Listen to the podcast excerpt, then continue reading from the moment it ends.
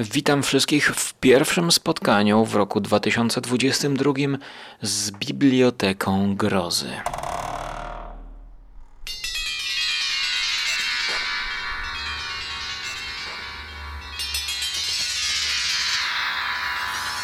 Zaczynamy omawiać najnowszy tom pod tytułem Otwarte drzwi autorstwa Margaret Oliphant.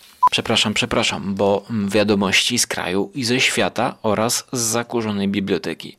Najnowszym tomem jest A. Algernon Blackwood. Niewiarygodne przypadki. Wiadomości z kraju i ze świata donoszą, że ceny chyba poszły w górę również w bibliotece.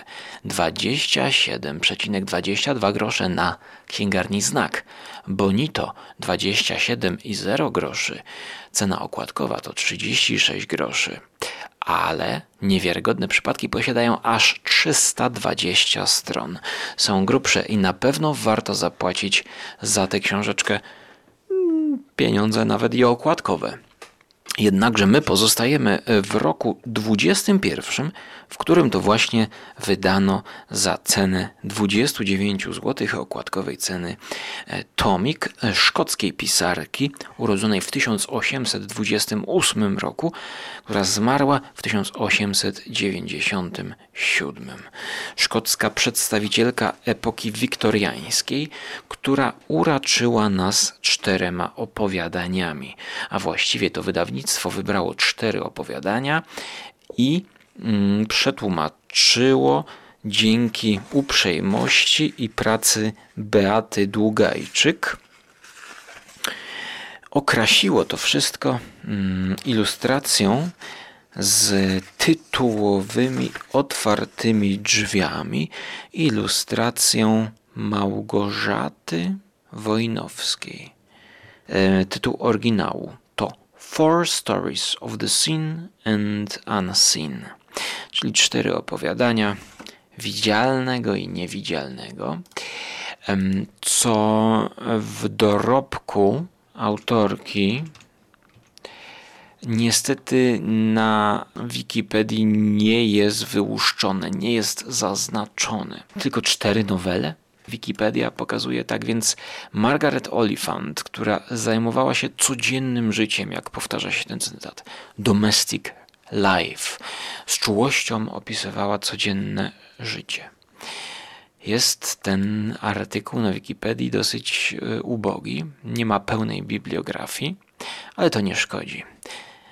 Ale być może szkodzi Margaret Oliphant to, że zaczynamy tę audycję od końca. Zaczynamy od końca tomu, czyli od ostatniego opowiadania pod tytułem Portret. Zaczynamy od tyłu mm, z prozaicznych powodów. Opowiadanie Portret jest najkrótszym bodajże tekstem, liczącym sobie od strony 83 do 228 strony, czyli to jest 30 plus o 50 stron powiedzmy. E, w oryginale The Portrait. Mm, I czyj tu portret? Otóż ten portret jest to portret matki głównego bohatera, narratora. Ale może zanim opowiem o tej nowelce, to przeczytam Wam, jak zaczyna się ta opowieść. Pozwólcie, że napiję się łyka herbaty indyjskiej. Darjeeling Second Flush Napije się nie bez kozery herbaty indyjskiej, dlatego że bohaterowie w, tej, w tym tomie, w dwóch opowiadaniach powracają z Indii do Wielkiej Brytanii. Powracają i te Indie, ten wyjazd jakoś na nich oddziałuje. A tutaj mamy głównego bohatera, mężczyznę 30-letniego, który pisze tak. W czasach, kiedy rozegrały się tamte niezwykłe wydarzenia, mieszkałem z ojcem w Grów. W starej posiadłości ziemskiej, położonej w sąsiedztwie niewielkiego miasteczka. Wielkie stardomostwo stanowiło naszą własność od bardzo dawna i właśnie tam przyszedłem na świat. Ja sparafrazuję, że w czasach, kiedy czytałem nowelkę Portret, kiedy rozegrały się wydarzenia w mojej głowie, niezwykłe wydarzenia, mieszkałem z babcią. Tak, e, kiedy czytałem to opowiadanie, to właściwie na trzy dni zamieszkałem z babcią. E, tak, i to było w, w, zeszły weekend. Mm, z tego powodu, że e, no, przeprowadzka, a przepraszam, nie, nie przeprowadzka, moja mama zachorowała na COVID i nie mogłem ich odwiedzić albo mm, dlatego spałem, spałem u babci. I właśnie zabrałem ze sobą, proszę Państwa, dwa tomy. Dzisiejszy omawiany, a także na opak Oliwiera Onionsa.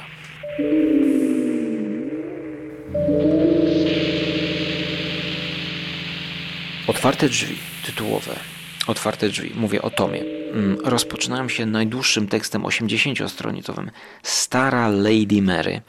E, dlatego no, zrezygnowałem. E, chciałem coś krótszego. Otwarte drzwi i okno biblioteki. I to nie jest w ogóle pierwsze spotkanie polskiego czytelnika z Margaret Oliphant. Z tego względu, że e, kultowy drugi tom opowieści z dreszczykiem tak zwana Noc Druga, zawierała w sobie właśnie tytułowe opowiadanie Otwarte okno. Również y, opowiadanie Margaret Oliphant ukazało się w nowej antologii Gwiazdka z duchami. Antologia opowiadanie grozy. Uważajcie na lubimy czytać, gdyż nie jest Margaret Oliphant wpisana właśnie do kultowych dwóch tomów Noc pierwsza i Noc druga, czyli opowieści z dreszczykiem e, Malanowskiego i tego drugiego, przepraszam, zapomniałem. No i również e, z duchami przy wigilijnym stole. Też jedno opowiadanie. No ale trzeba powiedzieć, że ona też pisała powieść historyczną, taką kronikarską e, i wydaje mi się, że z krótkiego researchu o Margaret Oliphant ciekawe jest to, co napisano na Encyklopedii Britannica o niej, czyli She wrote with sympathy, insight and humor about domestic life. Myślimy sobie, obyczajowa pisarka i tak też właśnie wszedłem w klimat opowiadania portret. No, biorąc pod uwagę, że byłem gdzieś u kogoś w domu, tak jak główny bohater, który mieszkał z ojcem, ja pomieszkiwałem z babcią i zastanawiałem się, że chyba dobrze, że to babcia mi nie gotuje, bo wziąłem placki moskole, ugotowałem, zrobiłem, więc sam sobie zrobiłem żarcie, nie obarczałem babci, natomiast w tekście portretu mamy do czynienia z bohaterem, który nie musi pracować, który już wie w tym okresie, że ojciec zostawi mu spadek, stare domostwo, e, że w jakiś sposób ma on zapewnione e, życie na przyszłość. W dodatku jego ojciec posiada e, domki, które wynajmuje domki, w których mieszkają ludzie raczej ubodzy.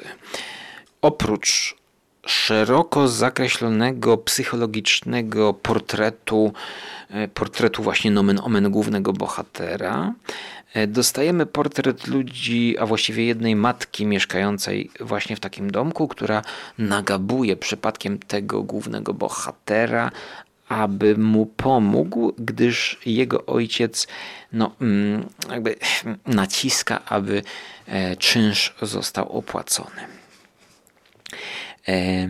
Ten mężczyzna mm, rozmawia na ten temat ze swoim ojcem.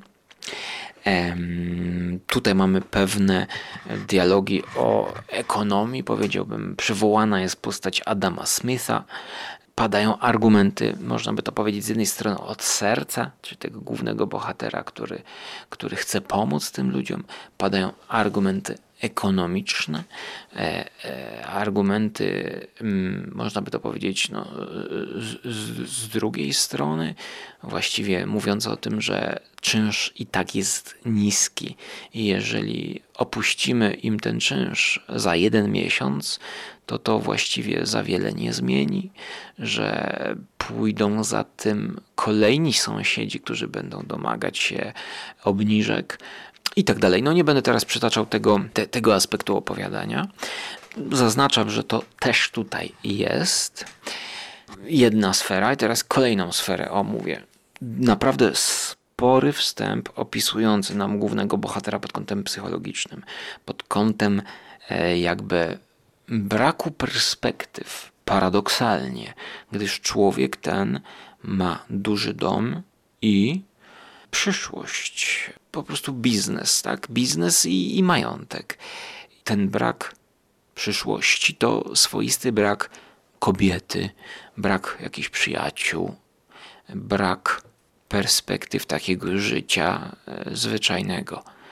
Mamy tutaj perspektywy życia dostatniego, ale może nie przyjemnego, nieszczęśliwego do końca. Dlatego to serce każe mu pomagać tym ludziom, którzy wynajmują mieszkania.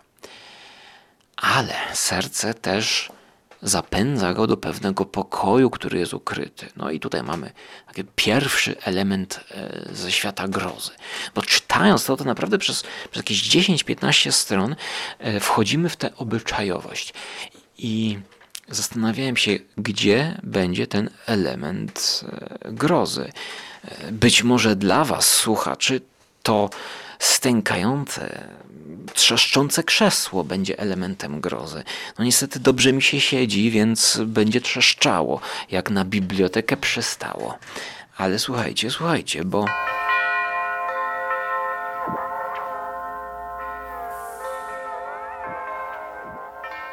Ten pokój od dziecka, kiedy on mieszkał w domostwie, był zamykany, był dla niego niedostępny.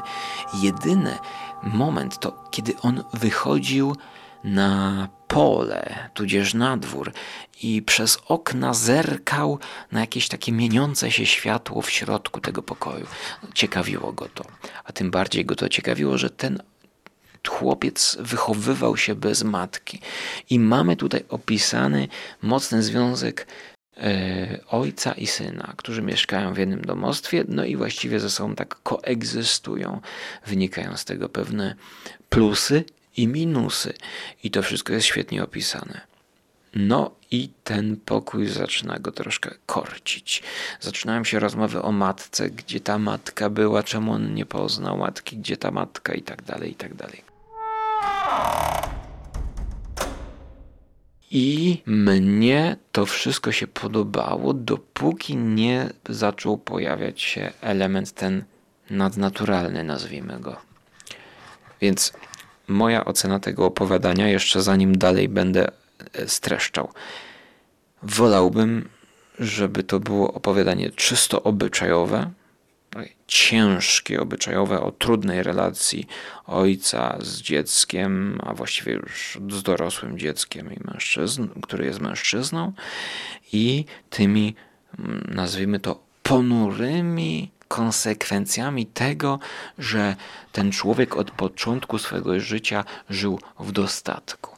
No być może gdyby gdzieś tam powiedzmy, no nie wiem, e, wyjechał, to może by poznał kobietę, wyprowadził się i tak dalej.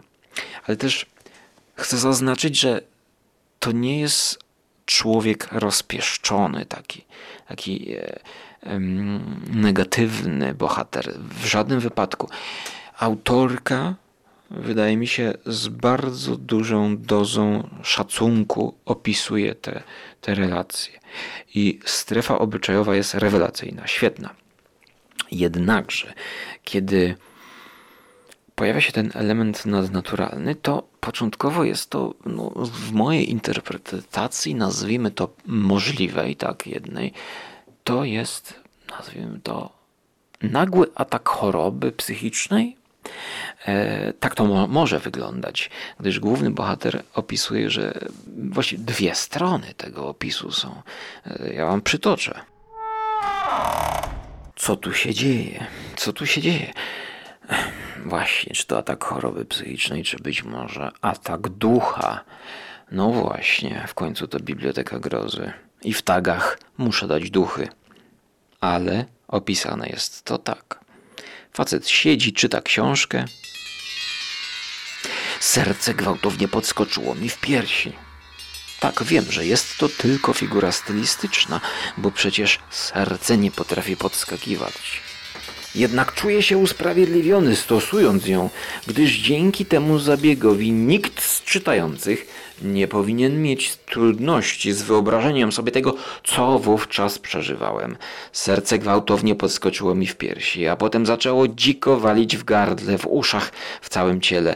Czułem gwałtowne uderzenia pulsu, zupełnie jakby poraził mnie nagły, niemożliwy do opanowania paroksyzm.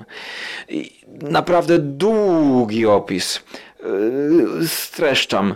Wyciągnąłem się na sofie w nadziei, że krótki odpoczynek, odpoczynek przywróci mi równowagę i leżąc bez ruchu czekałem, aż ustąpi to dudnienie dzikiego, rozszalałego mechanizmu, miotającego się w moim ciele niczym nieposkromiona bestia, próbująca wyrywać się z zakrat. Wiem, mylę metafory, ale rzeczywistość wyglądała dokładnie tak, jak ją tutaj opisuję. Obłąkany mechanizm kręcił się coraz szybciej, niczym te okropne koła, które schwytają w swoje tryby bezbronną istotę ludzką. Słuchajcie, e, ja e, pochylam czoło temu opisowi z jednej strony, z drugiej strony kontekście tego, co było wcześniej, e, po prostu wywoła, wywołało to we mnie komiczny nastrój. Nie taki, że pychnąłem, ale, ale mm, zacząłem się zastanawiać, czy czy to jest atak ducha, czy bierze go nerwica, tak? E, po tych wszystkich wydarzeniach on nie może mieszkać z ojcem, powinien się chłop wyprowadzić i bierze go nerwica. E, no, albo atak paniki być może to był.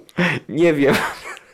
No, każdym razie tu zaczęło mi się wszystko psuć w tym opowiadaniu. Okazało się, że cała ta przeszłość w postaci jego matki, która jest sportretowana na portrecie, który ten portret jest zamknięty w tym pomieszczeniu, ta matka jest sportretowana jeszcze kiedy była bardzo młodą osóbką. Do tego jest e, jeszcze, powiedziałbym, pewna komplikacja powiązana z drzewem genealogicznym. Jakaś kuzynka, stryjka tam wchodzi, więc jakby twist polega na tym, że jakieś zamieszania rodzinne są i więzy krwi jakoś tam się łączą i ktoś kimś się okazuje. I okazuje się, że ten atak paniki to być może jest właśnie mm, ten duch tej matki, który w jakiś sposób daje pewne sygnały poprzez ciało tego głównego bohatera, czy to do ojca, czy to nie pamiętam do czego, a może powiedzieć powinienem, że nie będę spoilerował, a może mówiąc między nami, to właśnie placki Moskole zakopiańskie zaczęły dochodzić na patelni. Mm, no, powiem Wam szczerze, że moja ocena tego opowiadania to 4 na 10. Ale biorąc pod uwagę, że te otwarte drzwi e, chyba czytałem kiedyś, ale biorąc pod uwagę, że ten tekst był w nocy drugiej, no to musiał być to tekst doskonały. Dlatego będę się cofał, może nie do tyłu, ale w lewo, idąc kartkami, wertując je w lewo, od tego najkrótszego opowiadania do najdłuższego. Bo wierzę, że musi być tu tekst jeden z czterech, który mi się spodoba. No, taka to dzisiaj opowieść. Nagrywałem to we wtorek, dokładnie 31 stycznia, z nocy na ostatniego stycznia na 1 lutego. Do usłyszenia w kolejnej wstawce, kiedy już przeczytam poprzedni tekst.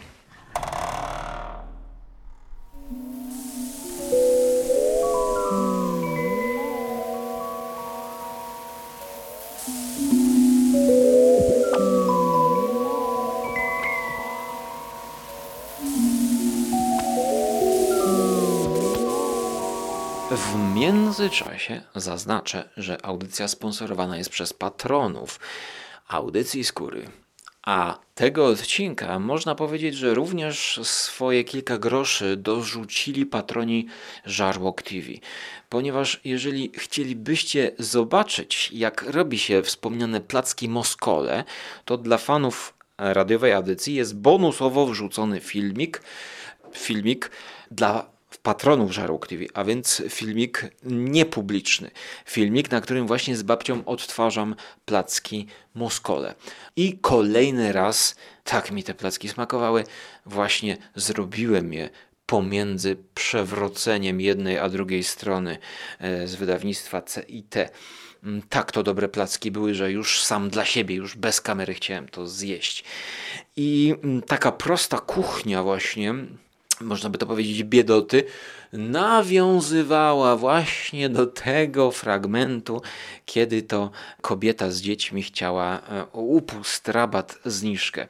I to kolejny kamyczek do ogródka, że ten cały motyw, ten cały motyw tych, tych ludzi wynajmujących domki, dla mnie też jest troszkę jak pięść do nosa, bo to opowiadanie bez tego motywu zupełnie by się obyło spokojnie nawet może na lepsze by to wyszło, bo właściwie no, no nie chcę zdradzać, no ale jakby tutaj ojciec przechodzi też pewną przemianę i pozwala, jakby, no, no wiemy, że, że y, ten syn będzie się zajmował tymi, tymi, tymi ludźmi w jakiś sposób, ale co będzie, to, to też nie, nie, nie wiadomo, bo ci ludzie w pewnym momencie się tam też właśnie zaczynają może nie, nie tyle co buntować, ale jakieś takie pewne niepokoje zaczynają wybuchać z powodu tego, że ten syn e, jakoś wsparł tylko jedną wybraną rodzinę. Dobra, nie chcę, nie chcę już tego przedłużać, nie to miała być tylko w, e, meanwhile, meanwhile kończymy.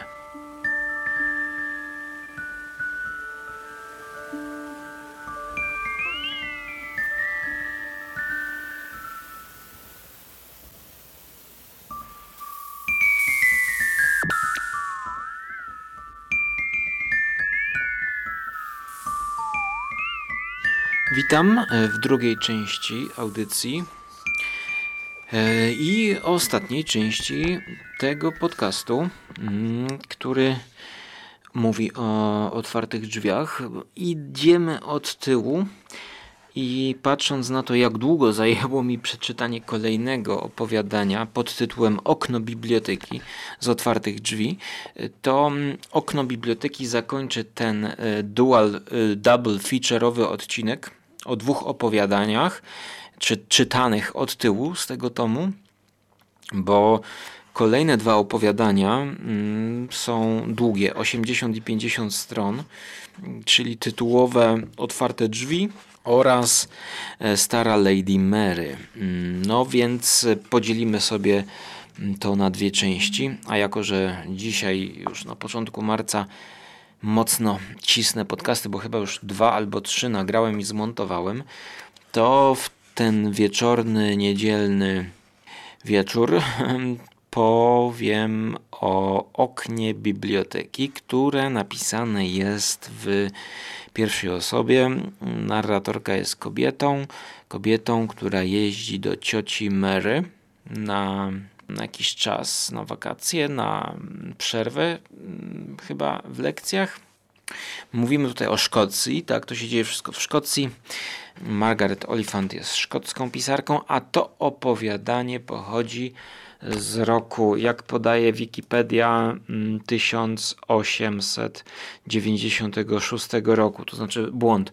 Pierwszy raz zostało opublikowane w styczniu e, w 896 w Blackwoods Magazine, natomiast mm, jak mówią inne źródła, to opowiadanie było napisane już wcześniej, mianowicie E, w 1879, które było z Library Window, collected in Beleaguered City, oblężone miasto.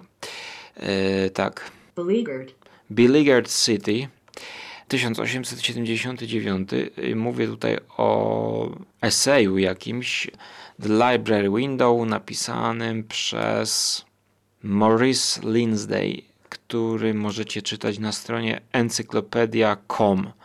Co ciekawe i co tu można przeczytać, to że dwa z tych opowiadań supernaturalnych e, Margaret Oliphant to Christmas Tale 57 rok i The Secret Chamber 1876.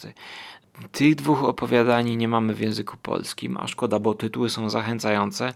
No oczywiście one są za darmo dostępne w internecie. E, sekretna komnata mm, opowiada o jakimś zamczysku. Aczkolwiek to, co już e, powiedział mi Paweł Mateja, to że to pierwsze opowiadanie e, pozbawione jest horroru i ja też mam takie wrażenie, że tutaj jest bardzo mało horroru, tak jak było w portrecie. Natomiast w oknie biblioteki ten horror i ghost story jakoś się pojawia. Powiem, yy, zajawię wam jak ja to czytałem. Otóż ja to czytałem u babci. Ostatnio mam problemy z tym, aby skupić się w ogóle na czytaniu książek i u babci jest tak jakiś spokój. No tak jak główna bohaterka jeździ do ciotki, to ja pojechałem do babci, żeby poczytać. No już mi się potem chciało żartować, że będę zaraz nagabywał znajomych, e, czy mógłbym do ciebie wpaść z takim hasłem, no bo chciałem sobie książkę poczytać, bo jestem w stanie się lepiej skupić, jak jestem u kogoś w gościach, tak, zamiast w domu, gdzie wszystko mnie rozprasza. Natomiast to, co ciekawe, ja w zeszłym roku zrobiłem sobie taką wnękę. Taką wnękę, jak główna bohaterka właśnie ma u ciotki i w tej wnęce przesiaduje. Otóż ja tę wnękę zrobiłem sobie na parapecie. No w Krakowie taka starsza kamienica, no kamienica, blok stary. Tutaj są takie duże parapety, że ja mogę sobie na tym parapecie usiąść i widzę po lewej stronie jakby mam okno, tak mogę się oprzeć na tej szybie i widzę ulicę tam a, a z drugiej strony mam e, swój pokój i pod dupą mam kaloryfer, więc długo tam się nie da usiedzieć, chyba że jest zima. I można to świetnie sobie czytać książkę. I mówię o tym, dlatego że główna bohaterka opowiada w pierwszym rozdziale. Początkowo nie wiedziałam, że tamto okno budzi tyle emocji. Usytuowane niemal naprzeciwko jednego z okien wielkiego staroświeckiego salonu w domu mojej ciotki, w którym spędziłam tamto pamiętne lato. Nasz dom i biblioteka stały po przeciwnych stronach High Street, głównej ulicy St. Rules, szerokiej, eleganckiej, zadbanej. Jednak w letnie wieczory na High Street także działo się sporo, więc był ten spokój pełen przytłumionych upałem dźwięków, kroków spacerowiczów i łagodnego szmeru rozmów. Czasami tylko całe miasto wypełniało się hałasem, na przykład podczas dorocznego jarmarku, a w niektóre sobotnie wieczory zajeżdżały specjalne pociągi wypełnione wycieczkowiczami. Dalej, dalej, dalej. Hmm, najważniejsze, cóż, byłam wtedy młoda i stąd ta różnica. Podczas pobytu w jej domu moim najmilszym zajęciem było przesiadywanie w salonie, w głębokiej wnęce okiennej. Ciotka, choć mocno posunięta w latach, była bardzo tolerancyjna i darzyła mnie wielkim przywiązaniem. Nigdy mnie nie beształa, przeciwnie, widząc mnie siedzącą na parapecie w towarzystwie książek i koszyka z robótką, zawsze uśmiechała się czule. Podczas wizyt zaprzyjaźnionych z ciotką starych dam nie śledziłam ich rozmów, a jednak zwłaszcza kiedy temat był interesujący, zawsze wiedziałam o czym była mowa. Zupełnie jakby wiatr nawiewał ich słowa prosto do moich uszu. Przyjaciółki ciotki przychodziły i odchodziły, a ja odruchowo notowałam widok ich czepków sunących przez okno i szelest sukien. Czasami musiałam zeskoczyć z parapetu i przywitać się w którymś z gości, z którymś z gości, odpowiedzieć na parę pytań o mamę i papę. Ciotka Mary nieodmiennie kwitowała to życzliwym uśmiechem. A ja po prezentacji mogłam wrócić na swoje okno. Ciotce nigdy nie przeszkadzało, że tyle przesiaduje we wnęce. Mama przeciwnie, nigdy by mi na to nie pozwoliła. Mm. Mama lubiła wynajdywać mi zajęcia. Może to był właśnie powód, dla którego pokochałam salon ciotki i głęboką wnękę okienną, do połowy przysłoniętą portierą, szeroki parapet, na którym można było się rozłożyć z całym mnóstwem drobiazgów, bez narażenia się na reprymendę. O zrobienie bałaganu. No, no tak, że nie było tych drobiazgów. Dlatego ja też sobie te drobiazgi usunąłem z okna, żeby móc tam usiąść w każdym momencie. W czasach, o których opowiadam, ilekroć coś mi dolegało, zawsze byłam wysyłana do Sandrul, żeby nabrać sił. I tak było też wówczas, kiedy wydarzyła się tam ta historia. Odkąd tylko nauczyłam się mówić, zawsze słyszałam, że bujam w obłokach, wymyślam i fantazjuję. Dla dziewczynki, która z upodobaniem czytywała poezję i lubiała rozmyślać, nie brzmiało to zbyt miło. Dobrze, i właśnie, e, pewnie wiecie, dokąd zmierza ten e, wstęp, te, te cytaty z początku, z pierwszych dwóch, trzech stron. Otóż tak, chciałem te opowiadanie przeczytać na moim parapecie. Jednakże, kiedy przyjechałem do babci, zacząłem je czytać na wersalce, która trochę wygląda przez okno. Jak się leży na wersalce, to widać trochę dentystę naprzeciwko. Okno u dentysty naprzeciwko. Tak więc no, 80% tego opowiadania przeczytałem. Tam, jak wróciłem do Krakowa, to chciałem sobie na swoim oknie przeczytać.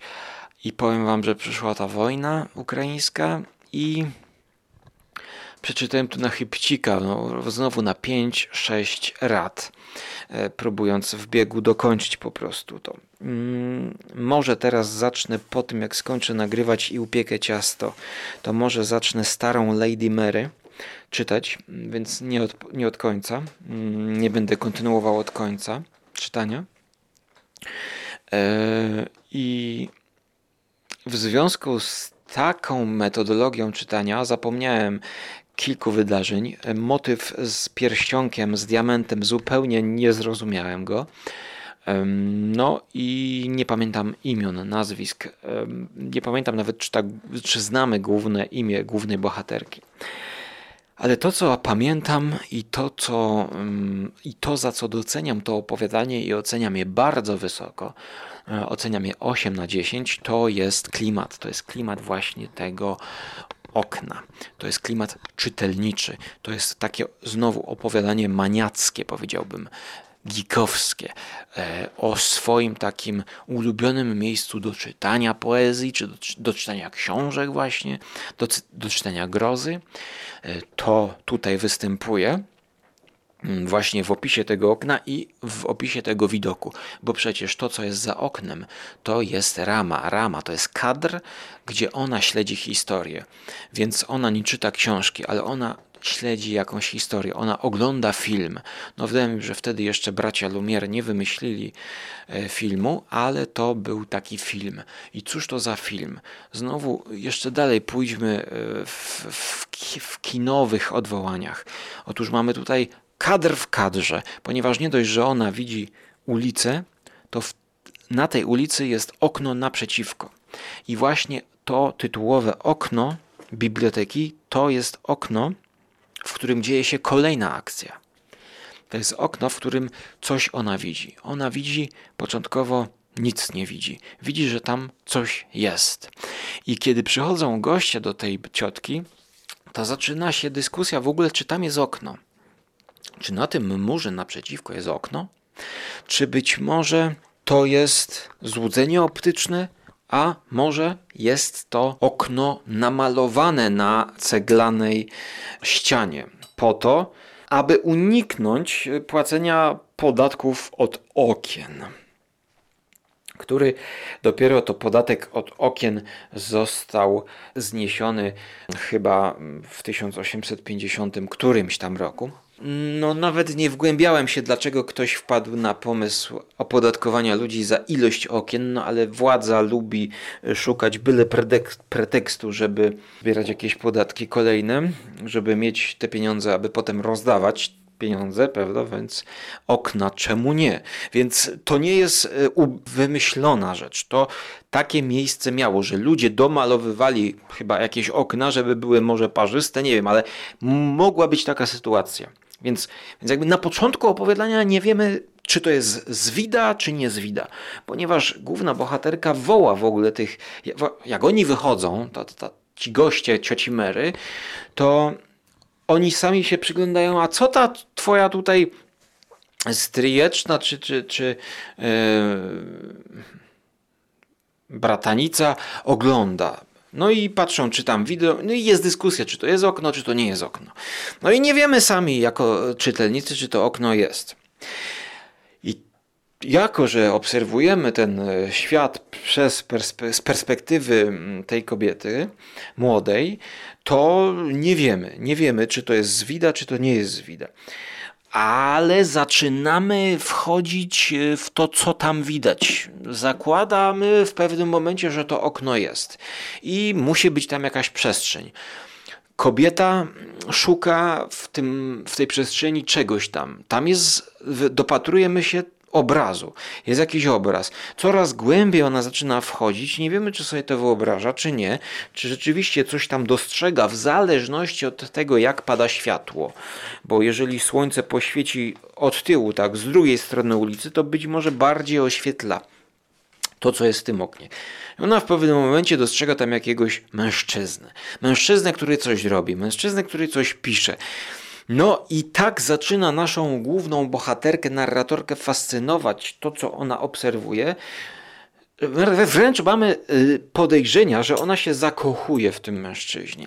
A biorąc pod uwagę jej młody wiek, biorąc pod uwagę, że jest lato, to jest to bardzo dobre pod kątem psychologicznym znowu Margaret Oliphant dba o takie szczegóły. Więc to jest młoda dziewczyna, która, no, no, można powiedzieć, szuka miłości, tak dojrzewa i to, że widzi mężczyznę, który ją fascynuje, to nic dziwnego. Ten mężczyzna, w, być może w oknie wyimaginowanym, fascynuje ją tak bardzo, że ona chce spędzać czas w swojej wnęce wręcz jak zasypia w nocy i nie widać za oknem nic i musi iść spać, to wręcz już sobie wyobraża, jak to fajnie będzie rano wstać, zjeść śniadanie i usiąść we wnęce i patrzeć tam na to okno. No trochę dziwi mnie, czemu ona nie odważyła się w pewnym momencie wyjść i do tego okna tam zapukać, tak? Można pogrzebać to opowiadanie, mówiąc, czemu dziewczyna nie wyszła, sprawdzić, czy to okno istnieje, tak? Tylko cały czas z perspektywy tej, tej, tej wnęki to oglądamy.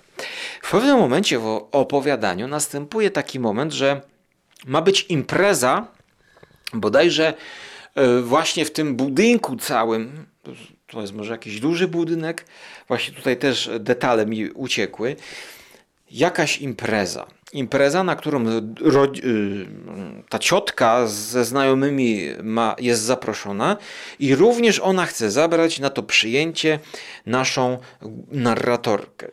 I, I, co się okazuje, że ona nie chce iść początkowo, a potem ją tak jakby troszkę zmuszają, przekonują. Więc ona się ładnie ubiera i tam, kiedy ona jest na tej fecie, to okazuje się właśnie, że ma ona bodajże, jeśli dobrze pamiętam, możliwość tak korytarzami chodzić, że może dojść z drugiej strony biblioteki właśnie mm, to mi się do, do tego domniemanego okna, tak? To mi się kojarzyło z Rare Window Alfreda Hitchcocka. Film o podglądactwie, tak? Woje, wojeryzm ten cały, który notabene też jak jest pełno książek właśnie o Hitchcocku, to, to, to jest o kinie, prawda? Rare to jest o kinie, bo siedzi facet sparaliżowany. No właśnie, u Hitchcocka ten facet był sparaliżowany, miał nogę w gipsie, więc on nie mógł wyjść. On tylko tą lornetką obserwował całą akcję, która się um, odbywała po drugiej stronie e, kamienicy, czy właściwie w sąsiedniej kamienicy, bo to były połączone kamienicy e, takim dworcem. Matko, nie dworcem, tylko no wiecie, no, kamienicy wokół, a po środku jest dziedziniec. O. Notabene Rare Window, totalnie genialny film, absolutne arcydzieło. I teraz ta dziewczyna wraz tam, nie wiem, czy z jakąś koleżanką, czy jakąś tam młodszą dziewczyną, która też jest jakoś spokrewniona, czy być może tam z facetem, który ją oprowadza po, tym, po tej imprezie, to okazuje się, że ona rozumieć, czy jakby takie śledztwo zaczyna, bo się sama zastanawia i że, że chce rozwikłać tą zagadkę, czy ten mężczyzna jest, czy go nie ma. Tak jakby chodzi korytarzami i dostrzega, że no tu powinno być to okno, a tutaj nie ma, tutaj jest jakaś zabudowa. Już nie pamiętam dokładnie, bo znowu musiałbym przytoczyć ten fragment, e, jak to jest rozwiązane z narracyjnego punktu widzenia, bo znowu czy to jest zamieszane tak, że ona gdzieś pobłądziła i do końca chyba nie mamy pewności, czy jak ona od tej drugiej strony chce iść, to, to, to czy dobrze sobie to wymierzyła, że to tu powinno być okno. Nie pamiętam. Ale idziemy dalej. Na tej imprezie ta, ta ciotka z tym wujkiem czy, czy z kolegami swoimi w jakiś sposób zaczynają wyrażać zaniepokojenie stanem ducha tej dziewczyny. Szczególnie ciotka. I tutaj ci starsi jakby zdają się wiedzieć coś więcej. Coś więcej o tym być może oknie. No i mm, ciotka tak ubolewa, ubolewa. Mamy kilka takich scen, że ona tak bidoli, bidoli. Mamy też scenę, kiedy znowu po tej imprezie wracamy do domu i ona znowu, ta, ta córka, ta bohaterka wraca i ogląda ulicę i na tej ulicy pojawia się jakiś mężczyzna młody, chyba piekarczyk jakiś taki, piekarz. Młody piekarz? To piekarczyk? No w każdym razie ona go woła albo prosi, żeby y, rzucił w okno, albo on sam tak, a wiem, chyba on sam się bawi, tak, rzucając sobie kamyczkiem i w pewnym momencie rzuca w to okno domniemane. Okazuje się, że kamień okna nie wybija, tylko się odbija od ściany i ona to dostrzega, albo dostrzega to ten wujek i tutaj jest jakieś przełamanie tej wizji, te, tego okna, że to okno istnieje, więc nagle pokazuje się jakiś taki dowód namacalny, że to okno jest imaginacją. Mamy znowu rozmowy pomiędzy nimi tam aż dochodzimy w tej opowiadaniu do momentu, w którym ciotka jakby revealing robi, wyjaśnia, że to, co ona tam dostrzega, ta, ta narratorka, to jest być może duch jakiegoś pisarza, który kiedyś tam był. I ten duch się ujawnia tutaj właśnie, ponieważ ten duch był, był w związku z jakąś dziewczyną, tak? I ten związek się nie udał, i w wyniku tego związku mm, nastąpiła jakaś śmierć, i to jest najprawdopodobniej duch, y, duch mężczyzna, który jakby nie zaznał miłości być może od jakiejś kobiety, też dokładnie nie pamiętam. I właśnie przez to w tym oknie ujawnia się ten duch tej młodej dziewczynie z punktu widzenia psychologicznego, to te wszystkie motywy się pięknie łączą. Z punktu widzenia narracji, ja musiałbym to jeszcze raz przeczytać e, i nawet chciałbym to jeszcze raz przeczytać tak od początku do końca za jednym zamachem, e, najlepiej na oknie. Więc to jest to opowiadanie, gdzie ja bym chciał sobie zaznaczyć, jakby tak wróć jeszcze raz kiedyś przeczytaj. Natomiast no, tu horroru jest taka ociupinka, tutaj tego horroru, tego ghost story, to, to jest taka no, jakby to dodać, gotujecie powiedzmy ciasto, tak? I teraz je, dodajecie jakiś taki składnik, który robi taki game changer, więc w cukiernictwie powiedziałbym, że to może być wanilia, ta prawdziwa wanilia. Jak dodacie troszkę tej laski wanilii, rozetniecie, wyskrobiecie te, te czarne, takie brązowe mm, perełki tej wanilii, takie, ta, ta laska wanilii oskrobana, ona wejdzie wam do ciasta. Mm, to to jest ten game changer, który robi ze zwykłego ciasta takiego, panie, co robisz? A ciasto marmorkowe. Aha, no to będzie słodkie, puszyste ciasto. Od tego momentu to jest ciasto waniliowe. I od tego momentu właśnie, kiedy pojawia się ta historia o duchu, to jest taki troszkę game changer właśnie. To jest troszkę coś takiego waniliowego w kontekście Ghost Story. To opowiadanie mogłoby się bez tego obejść. To mogłoby być obyczajowe. Tak jak właśnie w tym portrecie. Tak jak Paweł Mateja mi mówił właśnie, że w pierwszym opowiadaniu, to, to, on nie widzi horroru. Dlatego bardzo ciekawy też jestem, jak tutaj właśnie wygląda ta no, bo groza tutaj jest, powiedziałbym, groza psychologiczna, ale w tym opowiadaniu, w oknie, e, kobieta zdecydowała się dołożyć tego pierwiastka nadnaturalnego. Dołożyć się w takim perfekcyjnym momencie, gdzie on właśnie powinien być, e, chociaż czy powinien to może złe słowo. Ona chciała, chciała, żeby to było supernatural, tak? No i to się pokrywa też w jakiś taki podskórny sposób fajny, no bo mamy można tutaj wysnuć z tego opowiadania taką teorię, że jest to właśnie opowieść o dojrzewaniu młodej dziewczyny, mm, która e, uzasadnia ta opowieść, skąd się bierze ta fascynacja w młodych kobietach. No, to zakochanie takie swoiste, bo ona się zakochuje w tym widoku, zakochuje się w tej obserwacji. To jest chora fascynacja w pewnych momentach. Tak to jest opisane. I skąd to się bierze? No właśnie to się bierze z, z, z powodu ducha. Były chyba takie opowiadania pisarza, który też był wydany w Bibliotece Grozy, który był przez Lanagana zekranizowany w tym serialu mm, ośmiodcinkowym E, Henry James, o tak, podwójny portret bodajże, gdzie, gdzie była kobieta i za nią chodził duch cały czas. E, I ona chodziła z drugą kobietą, a za nią chodził duch, i ona chyba go widziała, i to był też związany jakoś z miłością, i ten duch ją prześladował. Henry James. To, to było jedno z jego opowiadań wydanych w Bibliotece Grozy. I tutaj tak bym troszkę widział właśnie, że to jest taka miłość, która jest powodowana istnieniem ducha, czyli że sam duch, który jakby no jest czymś niebezpiecznym, to właśnie on oddziałuje i straszy, nawet nie to, że straszy, tylko że on nęka w jakiś sposób główną bohaterkę, że, że tę namiętność w niej wzbudza. Więc to jest takie wyjaśnienie, że każdy jak sobie przypomni, no kiedyś panie to się zakochałem tam w podstawówce, zakochałem się w takiej dziewczynce, nie?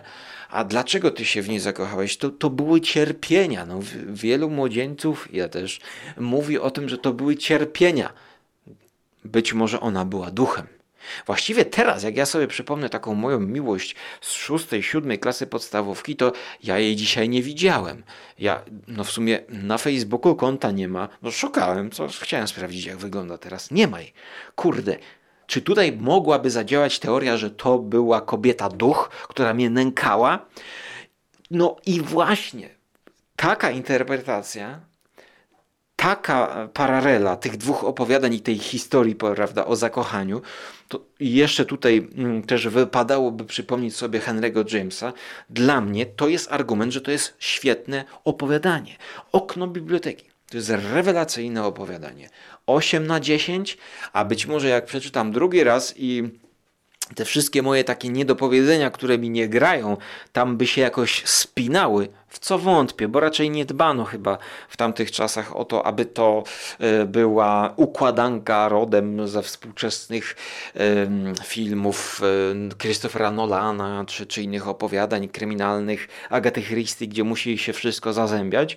Nie. Mm, tu to raczej był horror, groza, groza psychologiczna.